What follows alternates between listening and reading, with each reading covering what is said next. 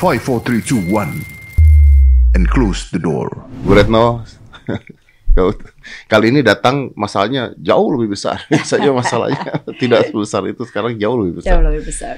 Tapi saya ini bingung, ini kan eh, berita di mana-mana Indonesia harus ngapain, Indonesia ada di mana, kayak beritanya tuh begitu-begitu semua. Sedangkan saya tahu bahwa ini Ukraine sama Rusia perang dan bisa nuklir, bisa loh, saya nggak tahu Bisa. ya, bisanya. Kalau nuklir ya kita juga kena juga pasti semua dunia kena lah. Terus ada berita hoax juga, banyak berita hoax yang saya tuh lihat kemarin ada tentara atau o- o- ayah dari seorang anak di Ukraine pisah pelukan nangis.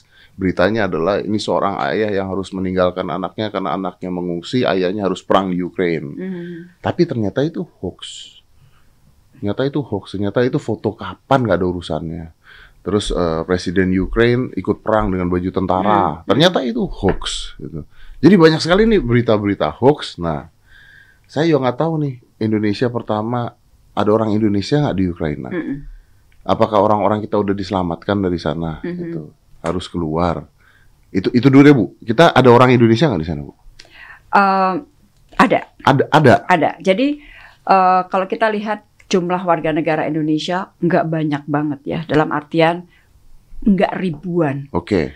Tapi buat kami kan satu nyawa kan Tetap nyawa. sama iya, betul. sama harganya Iya, kan. iya. tinggi harganya. Oleh karena itu, kalau kita lihat Mas dari awal eh, kita benar-benar berusaha untuk segera mengeluarkan warga negara Indonesia eh, ke tempat yang aman dulu deh sebelum dibawa ke eh, Indonesia. Jadi kalau kita lihat serangan 24 Februari 27 itu rombongan pertama udah bisa menyeberang keluar dari Ukraine, kemudian diikuti rombongan kedua di 28, kemudian tanggal 1 dan tanggal 3 alhamdulillah 80 plus 3 ya. Udah 80 nyampe Indonesia. udah sampai di eh, Indonesia. Semua itu semua jumlahnya. Eh, itu sebagian besar, itu sebagian besar eh, karena masih ada sebenarnya yang sekarang fokus kita adalah mengeluarkan sembilan warga negara Indonesia dari Chernihiv. Chernihiv itu wilayah satu kota di bagian utara, agak ke utara, dan itu eh, salah satu medan pertempuran.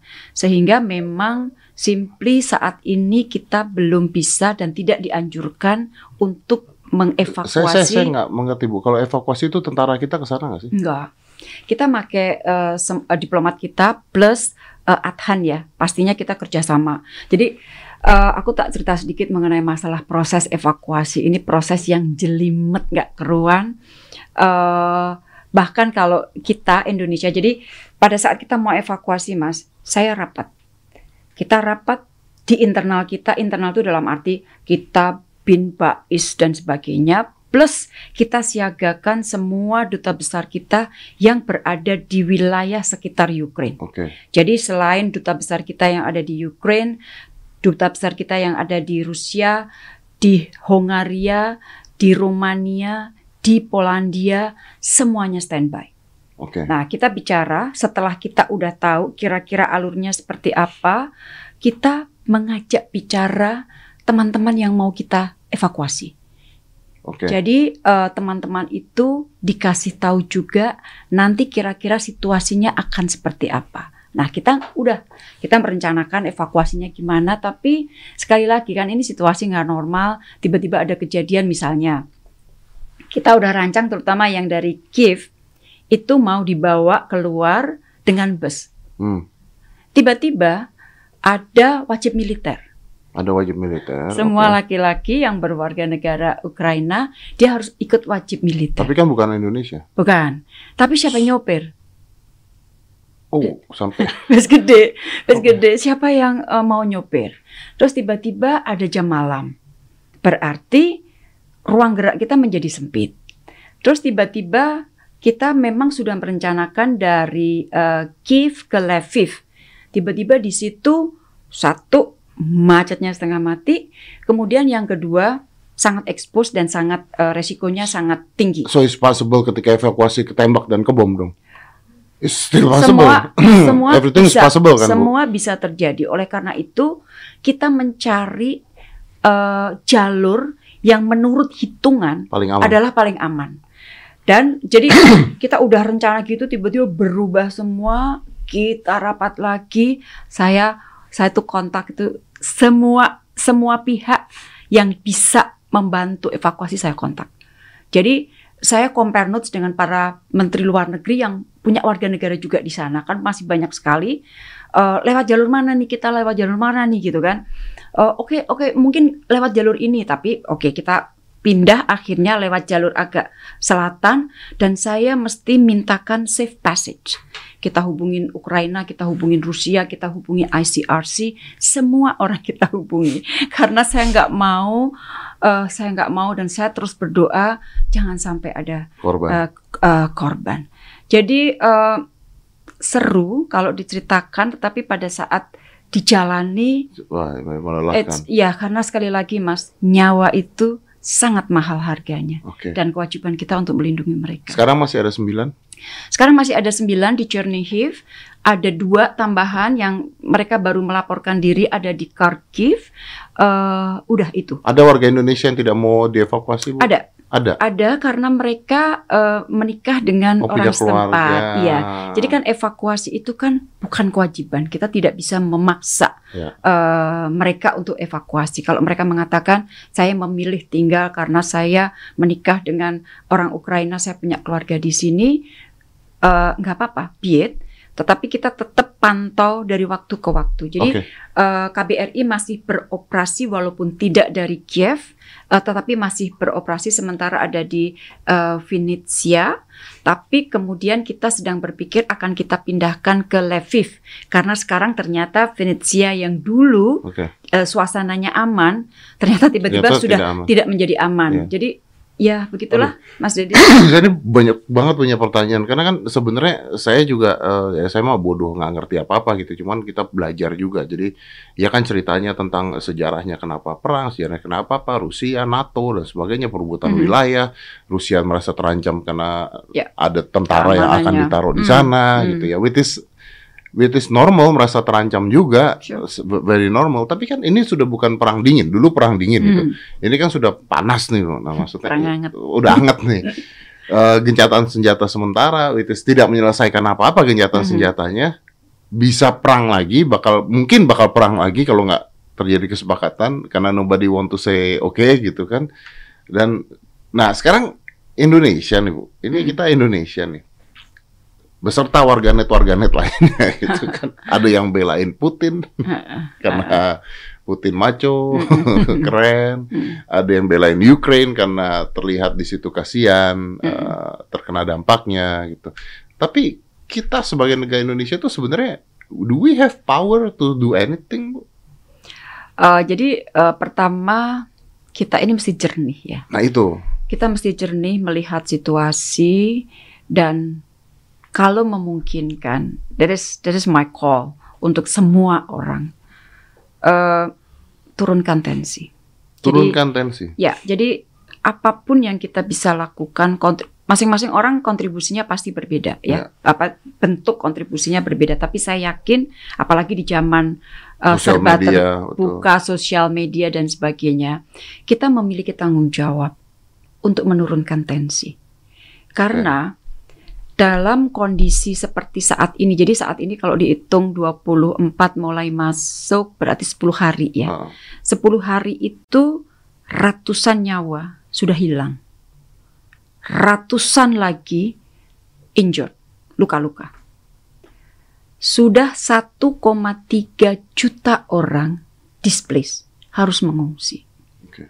Belum lagi dihitung Pertanyaannya adalah apakah ini akan mengganggu uh, pasokan energi dunia, pangan dan sebagainya. Yes. Bagaimana yang displace? Masalah kemanusiaannya itu unbelievable, unbelievable. Jadi saya sangat mengharapkan bahwa every each of us harus berkontribusi untuk menurunkan tensi. Tone down. Tone down. Tapi kan tondone kita tidak mendamaikan mereka juga. Kalau namanya gerakan ya mas, siapa tahu gerakan oh. untuk stop the war itu akan akan ikut menurunkan. Tensi. Jadi uh, kalau kita diplomasi kita, diplomasi kita itu wajah kemanusiaan, wajah damainya itu tinggi sekali. Jadi memang kita harus berpikir jernih, apalagi pengambil keputusan seperti saya. Iya, iya. Pengambil keputusan harus jernih. Salah ngomong aja. harus jernih. Jadi sekarang dan saya sampaikan Mas, jadi selama udah 10 hari ini kita tuh telepon kayak eh, apa sih namanya customer service. kerang kerang kerang kerang terus kita telepon kita oh, itu 24/7 completely 24/7 dan bahkan pada saat kita mau evakuasi itu tiga malam mas tiga malam mungkin tidur tidur pun saya eh, agak duduk gitu di tempat tidur laptop terus karena saya kontak terus dan saya ikuti dari menit ke menit rombongan sampai di mana Sampai di mana? Ini proses evaku- evakuasi. evakuasinya. Jadi Ya. sampai mereka menyeberang ke tempat yang aman, itu saya baru bisa agak merem dikit. Tapi Oke. selama mereka masih di perjalanan, saya tetap pantau eh, mereka. Jadi sekali lagi jernih dan kita betul-betul mengharapkan every each of us dapat Oke. call stop the war. Stop the war. Oke, saya tahu nih ini eh, sulit untuk ibu jawab, tapi eh, mungkin gini, netizen netizen kita itu berpikir kadang-kadang berpikir eh, bahwa kita itu mendukung Ukraine karena Hmm. kita ngekor US. Hmm. Ada banyak yang berpikir seperti Hmm, itu. hmm, hmm, hmm.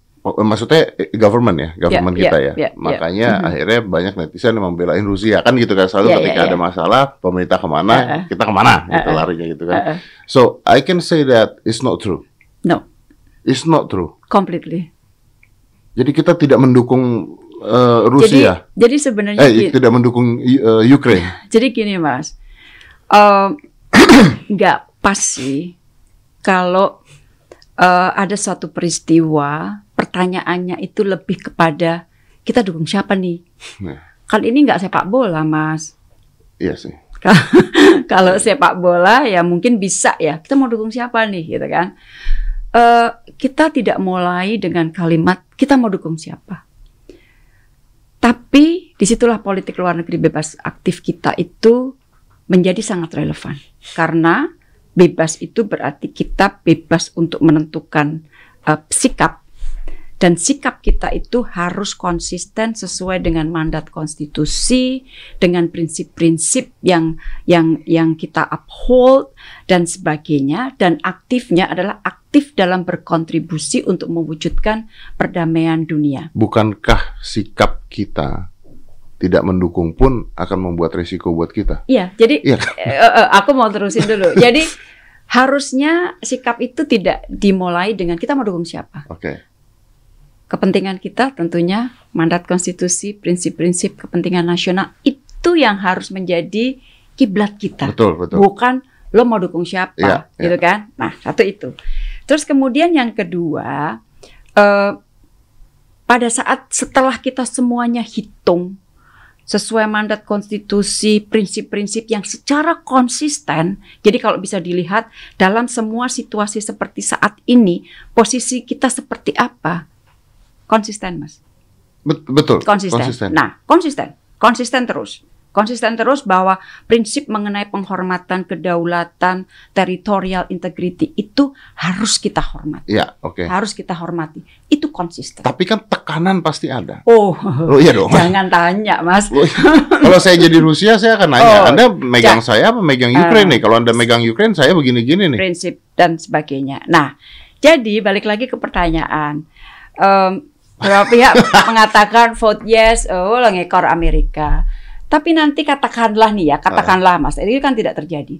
Katakanlah kita abstain, nanti dibilang gak punya pendirian. Nah, iya makanya tekanan Terus kan. di situ kebetulan ada RRT kan, ikut RRT. Iya betul. Terus pada saat kita katakanlah kita against ikut Rusia. Jadi kan em, harusnya nggak seperti itu cara pandangnya. Jadi sekali lagi kita mulai tidak dengan pertanyaan kita bela siapa. Oke. Kita Bu, bela prinsip, kita sesuai dengan mandat konstitusi Oke. kita. saya nggak bicara tentang negara deh. Saya bicara tentang anak tawuran di sekolah, deh, Bu. Mm-mm, Anak tawuran di sekolah, misalnya saya saya lemah nih misalnya. mm-mm, Terus tiba-tiba ada geng A dan geng B tawuran. mm-mm.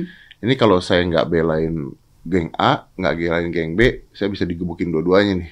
Karena kalau ini kalau kita bicara tawuran bu ya, Mm. maka saya akan mencari geng yang menurut saya paling kuat yang bisa melindungi saya gitu. Mm. Kalau kita bicaranya tawuran. Mm, gitu. mm, mm. Nah, kalau saya mengasosiasikan ini dengan sebuah pemerintahan, Tawuran ya. tawuran ya. Hmm, Kalau aku saya catat nih tawuran. kalau kalau saya mengasosiasikan ini dengan sebuah pemerintahan, kok saya menganggap bahwa saya kalau di pemerintah saya bingung sekali gitu, karena karena bisa aja gue ending-endingnya digebukin dua-duanya nih kalau nggak ngapa-ngapain gitu. Mm-mm. Which is not only Indonesia ya, bu. Saya nggak bicara Indonesia. Sedunia mas. Every country in the world Sedunia. pasti berpikirnya Mm-mm, sama mm-mm, gitu. mm-mm. Itu yang pertama. Tapi saya paham ibu mengatakan bahwa apa pun yang kita jalannya kita ambil kita pasti salah gitu. Karena kita mendukung eh, tidak ada perang. Ya, Yang benar adalah Ya. tidak ada perang gitu. kan. situasinya udah salah. Ha-ha, bukan mendukung siapa tapi Ya. menyetop kalau bisa nyetop Mm. nyetop gitu. Mm. But the thing is that we don't have power to stop the Mm. war gitu kan. Mm. Ya siapa kita nyetop Hmm. perang mereka gitu. Mm-mm. Cuman kalau saya balik lagi pertanyaannya, if this war continue to happens Mm-mm. eh, dan sampai amit-amit lah misalnya sampai perang nuklir atau perang Mm. apa, Mm. how affected to us?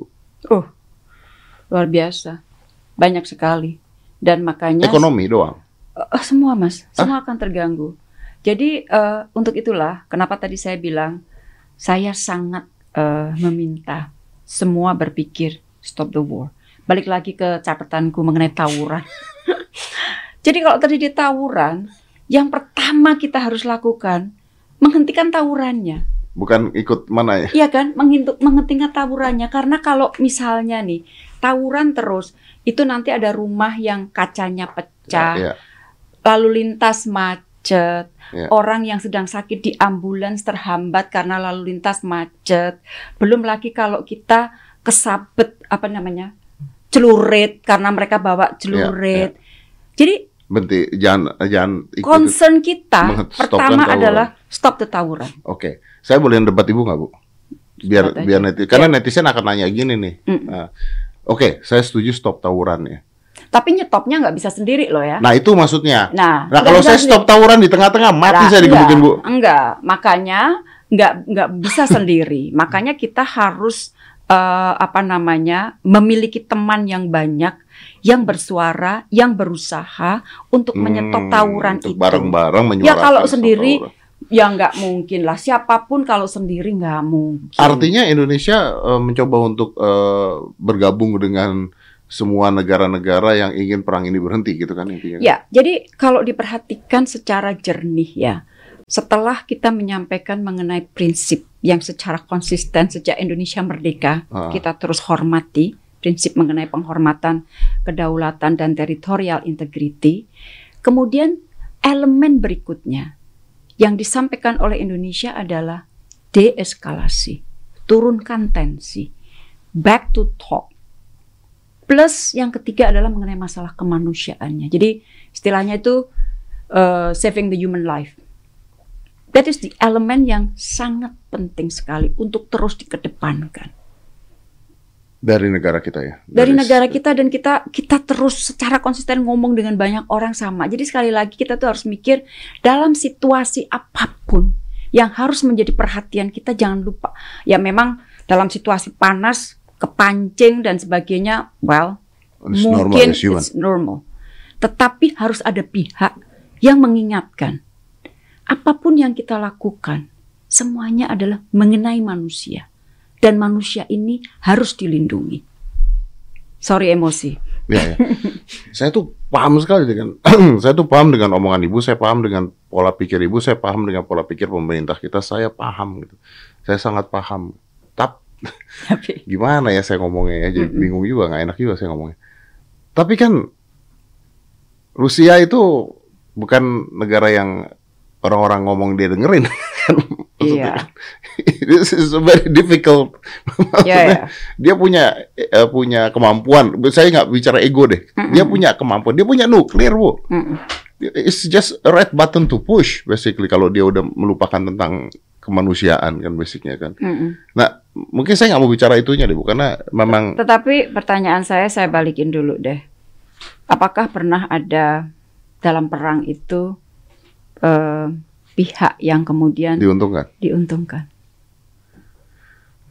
For a certain moment, yes. After that, no. No. So just believe on that. Bahwa peperangan itu tidak akan membawa manfaat bagi siapa pun dan peperangan itu akan menyengsarakan kita semua. Ya, ya. Itu aja. Ada sih bu yang diuntungkan bu satu bu mafia senjata. Aku nggak mau komentar. Iya saya tahu. saya hanya tergelitik untuk ngomong. Oke lah bu. Nah tadi ibu belum menjawab. Seandainya perang ini terus berlanjut tidak bisa Oh henti. dampak ya. Mm. Uh, then, and there's a nuclear war. What will happen to us? Banyak. Sebenarnya begini, kita ini jauh ya. Ya, dari makanya. Ukraine, dari Rusia kita jauh.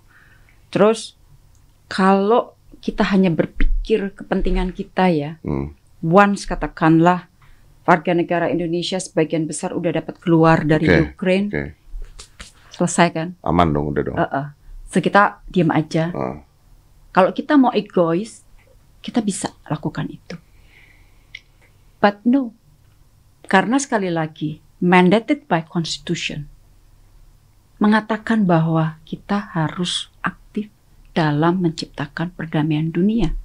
So that's why kita terus berusaha dengan se- segala upaya agar perang itu dapat diselesaikan. Nah, dampaknya yang paling berdampak sebenarnya Rusia, Ukraina, Eropa. Karena itu kan backyardnya mereka. Eropa pasti yang paling pasti sekarang pengungsi. Oke. Jumlah pengungsi saya yakin akan terus bertambah. Dan dari data yang saya baca semuanya, angka 1,3 juta itu Ke mana itu? em, negara-negara tetangganya. Negara tetangga. Ah, ah. yang paling yang paling dekat ya kan orang kan kalau ngungsi pokoknya tujuan pertama adalah di tempat terdekat yang paling aman Ya, dulu. escape dulu. Ya, escape dulu pokoknya. Nah, jadi satu adalah displaced person. Yang kedua, hitung-hitungan mengenai masalah energi. Jadi eh, untuk em, ini aku eh, terpaksa harus baca supaya aku nggak salah ya Mas ya. Misalnya kayak harga minyak dunia. Sekarang sudah mencapai 115 US dollar per barel per tanggal 4 Maret Minyak dunia. itu adalah harga tertinggi sejak 2014. Oke. Nah, Kemudian harga gas di Eropa. Ini minyak dari mana, Bu? Minyak eh, Rusia itu adalah produsen ketiga terbesar setelah Amerika dan Arab Saudi. Dan eh, produksi eh, dia eh, 11% dari eh, produksi global. I don't get it. When there is a war, terus produksi minyaknya di stop gitu? Enggak dong. Iya dong. Pasti terganggu dong. Pasti terganggu. Pasti dong. terganggu. Pasti terganggu dong. Terus kemudian gas. Gas juga sama. Dari harga membumbung tinggi. Jadi semua harga pasti akan eh, tinggi sekali. Oke. Belum lagi gandum. Gandum Gandum Ukraine ya. itu Ukraine termasuk produsen terbesar, termasuk produsen terbesar. Dan untuk kita ya, import gandum kita dari Ukraine itu sekitar lebih dari sepertiga import kita. Jadi kan mulai semua ngitung tim ekonomi kita. saya minggu lalu eh, di rapat kabinet eh, paripurna, saya sampaikan semua elemennya dan sekarang teman-teman tim ekonomi menghitung kira-kira dampaknya ke kita akan seperti apa. Jadi saya ingin eh, gambarkan sedikit hal, tapi saya kira itu sudah cukup Oke. mewakili kalau bicara mengenai energi dan eh, pangan. Ini belum perang terus ya. Ini Belum. baru yang kemarin terjadi ya, Bu Ya, ya. ya. Jadi ini hitungannya adalah hitungan per 4 Maret. Oh iya betul. Efek gandum mahal, mie instan mahal tuh. Indomie, Indomie, super, Super mie, Mie mahal. semua. Jadi mie, naik tuh harganya Dan kita tuh. kan em, suka makan mie kan? Iya betul betul. Suka makan. Minyak minyak kayak sekarang udah susah. kita perang kagak minyak susah kita. Oke. eh, Jadi eh, itu walaupun kita jauh, semua negara, semua dari kita akan terdampak, akan terdampak. Oke. akan terdampak. Oke oke. Eh, kita tahu bahwa ada beberapa negara yang eh, menerapkan embargo ekonomi ke Rusia gitu. Kita nggak ikut ikutan itu dong. Nggak. Ikut ikutan itu. Oke berarti. Jadi eh, sekali lagi yang kita sampaikan posisi kita adalah prinsip kita harus sampaikan Tapi kemudian yang kedua, kita ingin ini segera selesai. Okay, but uh, do, do you do you like or, or did you like actually speak to them to stop this? Yeah. By call, by apa gitu maksudnya? I had communication with many ya, Uh, with many. Jadi baik yang terlibat langsung em, maupun yang terutama dengan teman-teman yang ada di Eropa, dengan Amerika. I talk also with Australia. Eh, saya bicara juga eh, waktu itu dengan Turki, dengan India, dengan banyak banyak orang lah. Intinya adalah call-nya dan tentunya eh, perbincangan yang ada di New York ya, ada di New York, ada di Jenewa dan sebagainya, message kita sama. Message kita sama. okay. Tapi untuk orang yang sedang terlibat, yang tawuran tadi, ya Ya sama. susah ya. Semua apa pun yang dilakukan orang lain, ya pasti ada kurangnya buat mereka yang sedang bertarung. Iya, orang mereka punya sure. kepentingan tersendiri Yes, that's sendiri. PBB nggak bisa ngapain bu? PBB berusaha, tetapi to be very honest ya, dengan sistem veto ini, ya tahu sendiri lah, nggak usah dijelaskan. Semuanya menjadi sulit kan sistem ini. Dengan sistem veto, eh, apa pun yang dilakukan, terus tiba-tiba cepluk veto, udah selesai. Iya makanya nggak jadi mm-mm. Aduh, karena banyak orang nanya PBB gimana, G20 gimana, apakah bisa ini? Sebenarnya nggak ada hubungannya juga ini udah. Ya sebenarnya nggak ada hubungannya ya. Eh, jadi eh, saya pengen ingat, pengen menyampaikan aja sih. Eh, G20 ini kan lahir tahun 99. Ya. Lahir dari sebuah krisis, Ya. krisis ekonomi. Dan pada saat sepakat untuk membentuk G20, kita tahu bahwa semuanya ini berbeda. 20 ini berbeda. Ya. Dan ada kesadaran bahwa kalau dulu kan G7, G8, Ya. ada kesadaran dunia bahwa G7 dengan konstelasi dengan situasi dunia saat ini tidak akan mampu kalau sendirian untuk mengatasi situ- situasi dunia. Oleh karena itu perlu adanya tambahan kelompok-kelompok besar dari yang mewakili negara emerging economies, Ya. termasuk Indonesia. Ya. Jadi ini adalah lebih kolektif, ya kan, lebih inklusif mewakili eh, negara-negara berkembang. Jadi Tidak ada hubungannya. kita ingatkan bahwa awal dari G20 itu adalah untuk mengatasi tantangan dunia terkait dengan ekonomi secara bersama kolaborasi negara maju dan berkembang. Betul. Nah, sekarang we are in the middle of pandemic. Ah, Tantangannya kan Oh. sangat luar biasa. Kalau 9798 kan banyaknya lebih banyak di Asia, krisis ekonomi Ya, di, ya, di ya, ya. Asia. Now that is global crisis. ya, ya. Nah pertanyaannya di tengah global crisis ini, mosok mau berantem sih gitu loh. Itu itu. ya udah. Ya, ya, oke. Mosok mau berantem sih, Ayo, terus kita nih mau ke mana gitu loh. Kenapa mas? Ada yang geli? Enggak saya tuh saya tuh mau nanya ngaco boleh nggak sih bu? Boleh ya, Ngaco. boleh ya. Ya boleh kalau ngaco banget ya nggak usah Nggak, dijawab kan. Tolong lah, tolong. Kali ini bu harus jawab. Nggak ada urusan sama Rusia, nggak ada urusan Oh, sama ya, oke. Ukraine bu. Oke. Saya tuh waktu COVID datang gitu ya. Mm-mm. Ya Indonesia tuh kan sebenarnya masih aman-aman aja lah ya. Mm. Mereka perang, Amerika, Cina, Rusia, Ukraine. Kita kan masih perang babi ngepet, gitu masih perang. masih perang sama baliho contohnya gitu. Kita kan kita masih aman lah, makanya nyari masalah sendiri kita biasanya gitu. Cuma saya tuh punya pikiran dari dulu bu. Ini my, I'm, I'm, I'm just being stupid. I'm sorry. Saya tuh dulu sempat ngobrol sama teman-teman saya, obrolan warung kopi lah gitu. Mm-mm. Eh ini ya gila ya satu dunia kena covid gila. Waktu dunia kena covid nih ada baiknya. Apa baiknya? Jadi satu dunia konsentrasinya ke satu titik, which is covid. Ya. Ya kan? Indonesia juga dulu sempat ya udah adem ayem walaupun sebentar, which is covid gitu. Terus ngobrol sama teman saya, nih gila kita nggak tahu apa-apa tiba-tiba covid nih. Habis covid perang dunia ketiga nih kayaknya nih. Biar sekalian. Saya bercanda ini bercanda bu ya gitu. And then then then it's almost happen gitu. Can be happen gitu. Nah saya punya pertanyaan bu. Maaf. Ibu suka nonton film?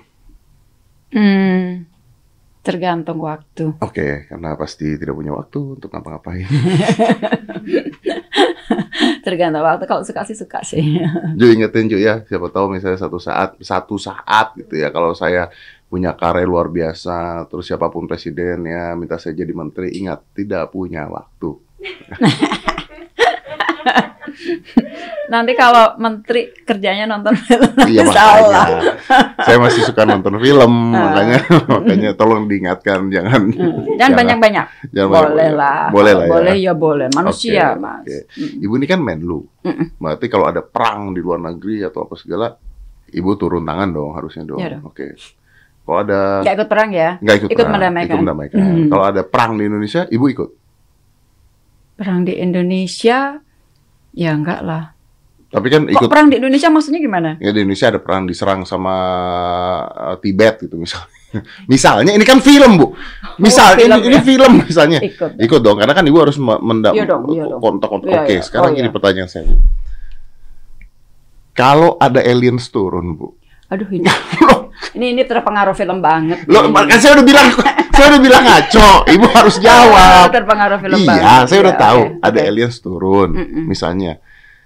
Apakah Menlu ikut turun tangan, Bu? Kan Menteri Luar Negeri nih.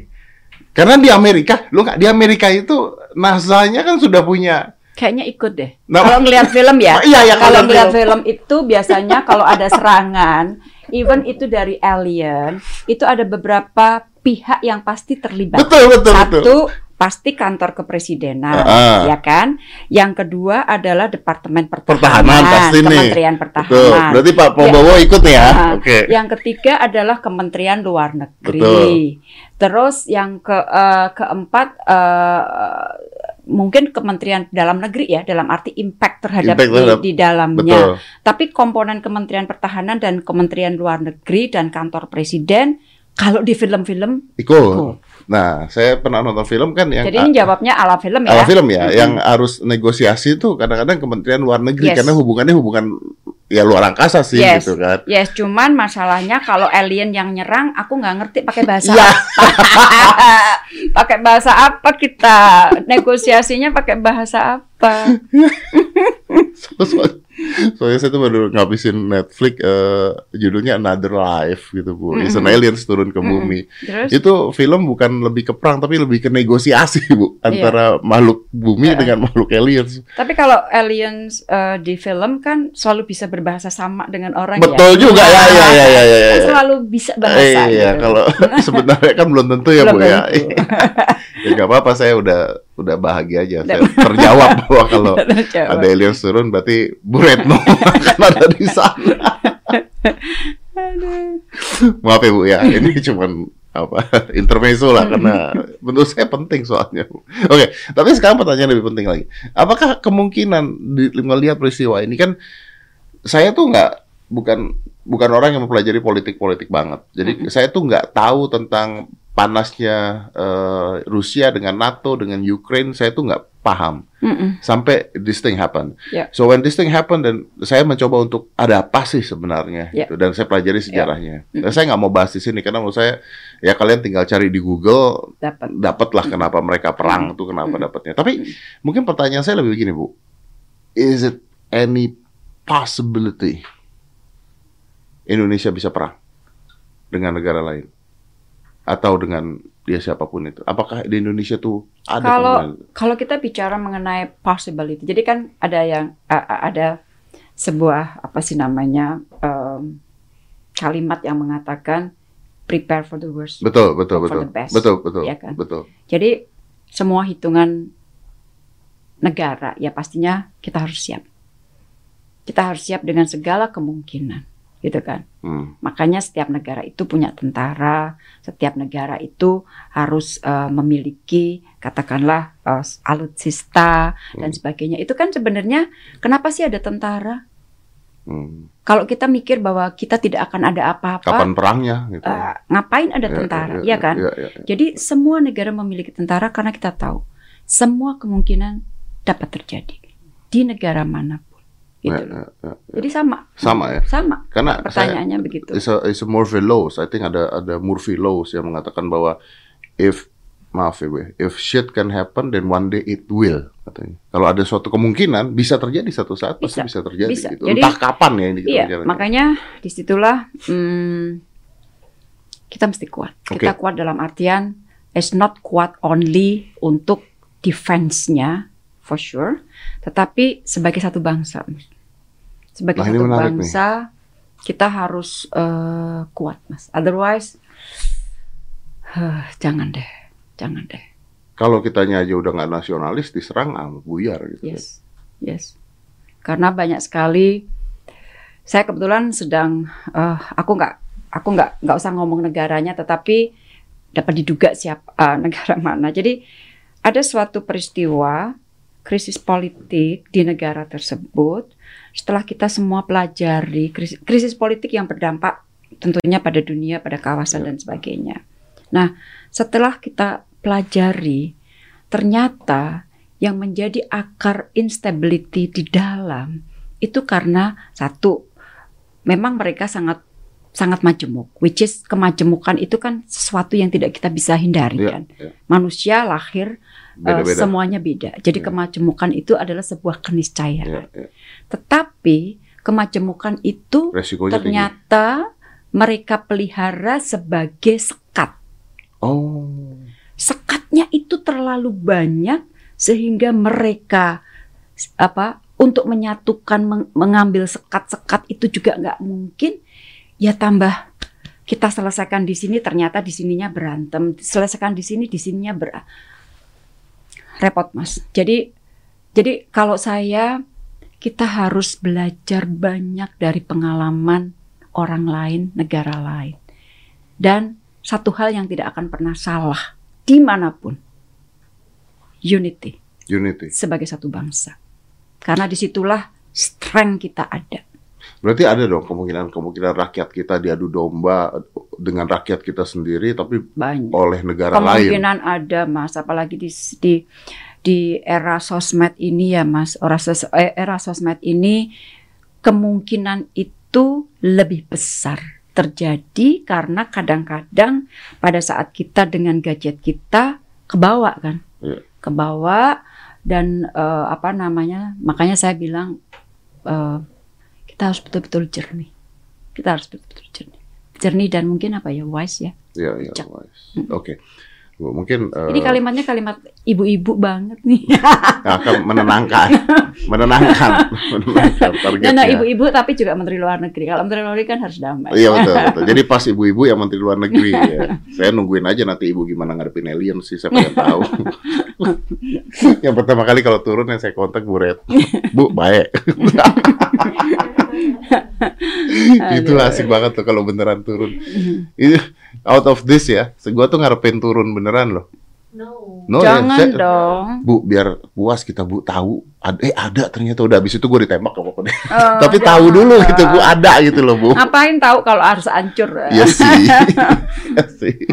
Oke, Bu, tapi mungkin eh, saya paham oke dan mudah-mudahan nih eh, orang-orang yang dengerin juga ngerti bahwa kita Indonesia mau eh, berprinsip pada kedamaian. Ya, Tidak perdamaian. membela Rusia, kita Hmm. tidak bela Rusia, No, no, no. kita tidak bela Ukraine. kita membela kita menjalankan mandat konstitusi, kita menghormati prinsip dan misi kita adalah damai. Damai. Stop the war. Oke, karena bukan kita takut, bukan karena kita tidak memihak, tapi nggak ada perang yang menguntungkan. Pengalaman kan banyak banget. Iya memang sih, pengalaman banyak banget ya. Pengalaman banyak Wah, banget. sini perang, negara lain datang Iya, mendamaikan, presidennya dihukum mati dan sebagainya. Iya. Aduh, itu tuh capek lah waktu Iya. bicara itu. Apalagi kalau pengalaman di film ya, lihat perang. Benar, benar, benar. Nah, eh, apakah ada di dunia ini pihak yang bisa mendamaikan tapi yang who have so much power to say stop the war or basically no? Harusnya UN ya. PBB kalau kita lihat, kenapa PBB dibentuk? Kan dibentuk untuk menghindari perang. Ya harusnya kan. Kan PBB dibentuk dari perang. Ya. Dari munculnya perang, berakhirnya perang, kemudian dibentuk misinya adalah misi perdamaian. Ya. Harusnya. Harusnya PBB. Oke. Tapi kalau tidak, berarti kita harus mencari like-minded countries, teman-teman Oh. yang bisa sekali lagi memang harus Speak up. suaranya diperbanyak, diperbanyak. Ya karena begitu suaranya banyak, Ya ya Jadi pasti dengar. akan. Ya oleh karena itu ya udah kan teman-teman. sama kan kalau public opinion. Iya, public opinion, betul. Makanya teman-teman juga apa namanya ya ya udahlah coba kita tone down intinya perdamaian gitu Yes, ya. Bu, ya. Oke. Yes, please. So, maybe this is my uh, last questions. Uh, what is the aftermath of this book? Aftermath-nya apa ini sekarang? Setelah ini terjadi, Kalau terjadi dalam artian panjang, ya panjang, Hmm. berlangsung. hmm. and nuke. Oh, that will be apa katastrofi. Katastrofi. Yes, of course. Even buat kita. Eh, kita tidak ter- langsung ya, tapi sekali lagi dari apa yang saya Ekonomi jelaskan lagi, ya semuanya, semuanya. Jadi ya pikirkan hal yang terburuk itu terjadi agar kita berupaya hal itu tidak terjadi. Intinya itu. Once itu terjadi, kita nggak sadar bahwa kita mengarah itu dan sudah terjadi ya sudah. Kan kita nggak bisa nggak bisa balik lagi. Kan kayak kita eh, bangunan nih ya, bangunan dikempur, kasih bom, drr, runtuh kan. Untuk membangun gedung itu kita perlu waktu katakanlah dua tahun. Tapi untuk ngebom, Ya, we just need a minute ya, to destroy everything. And then untuk membangun kembali Take- tidak semudah pada saat kita membangun awal. iya. Paling tidak kalau membangun awal katakanlah Dari kosong. tanah ya, Ya, kayak bangun tanah rumah lah ya. langsung dibangun. Ya. Ini bangunannya harus dibersihin dulu, Hancur. diancurin dulu, terus kemudian dibangun lagi, terus mikirnya akan lebih banyak lagi. Habis itu nyari penduduk apa orang-orang yang tinggal di situ kepada ke mana aja. Nyawa yang hilang. Udah. Jadi aku memang sengaja pakai perumpamaan-perumpamaan yang simple agar kita paham mengenai bahayanya sebuah perang.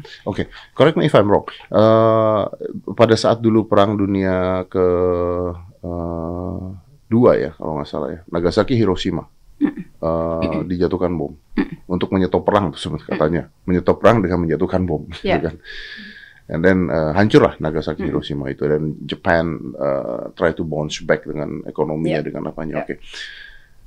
Tapi kalau saya nggak salah secara hitung-hitungan saya, is saya juga bukan menhan, dulu itu kan semudah itu ya dijatuhkan bom, pusing anda, nggak bisa ngapain, mau nggak mau ya udahlah damailah, selesai. sekarang kan nggak bisa gitu bu, ya. karena sekarang yang jatuhin bom juga salah. Terus yang mau jatuhin bom juga sekarang, eh Rusia ini nggak kayak Jepang sama dulu loh, dia punya nuklir loh. Hmm. Ini bisa siapa yang ngancem ditembak duluan loh, bisa Ya, kayak begitu ya, loh. So basically kita cuma punya kekuatan yaitu satu suara untuk Ya. mendamaikan. Dan suara itu harus Oh. nggak cuma suara sih ya, harus effort, effort. Gimana ya aku? Eff, semua effort lah. Anything we Tapi- can do lah ya. Iya iya iya, banyak sekali yang kita bisa bisa lakukan untuk apalagi kalau setiap orang melakukan hal yang sama. It's not easy. It's not easy. Ini udah hari keberapa setelah 24 eh, Februari eh, kita sudah merasakan dampaknya. Kali lagi ekonomi kemanusiaan. The question is, do we want to see it getting worse? Oke. Dah. Oke. kita harus semangat sekali lagi unity dan perdamaian mas Kuncinya itu ya, perdamaian perdamaian ya. Oke. Oke, so saya paham sekarang jadi basically Indonesia adanya di posisi seperti itu. Aduh. Oke, Bu. Makasih banyak, Bu. Akhirnya Terima kasih. mengerti saya. Tapi Ya, saya baik. tetap nunggu alien sih, Bu. Eh, terima kasih banyak terima kasih banyak sehat selalu semuanya Thank you, Bu ya. Terima Thank kasih you. banyak ya, Bu ya. Let's close the 5, 4, 3, 2, 1. And close the door.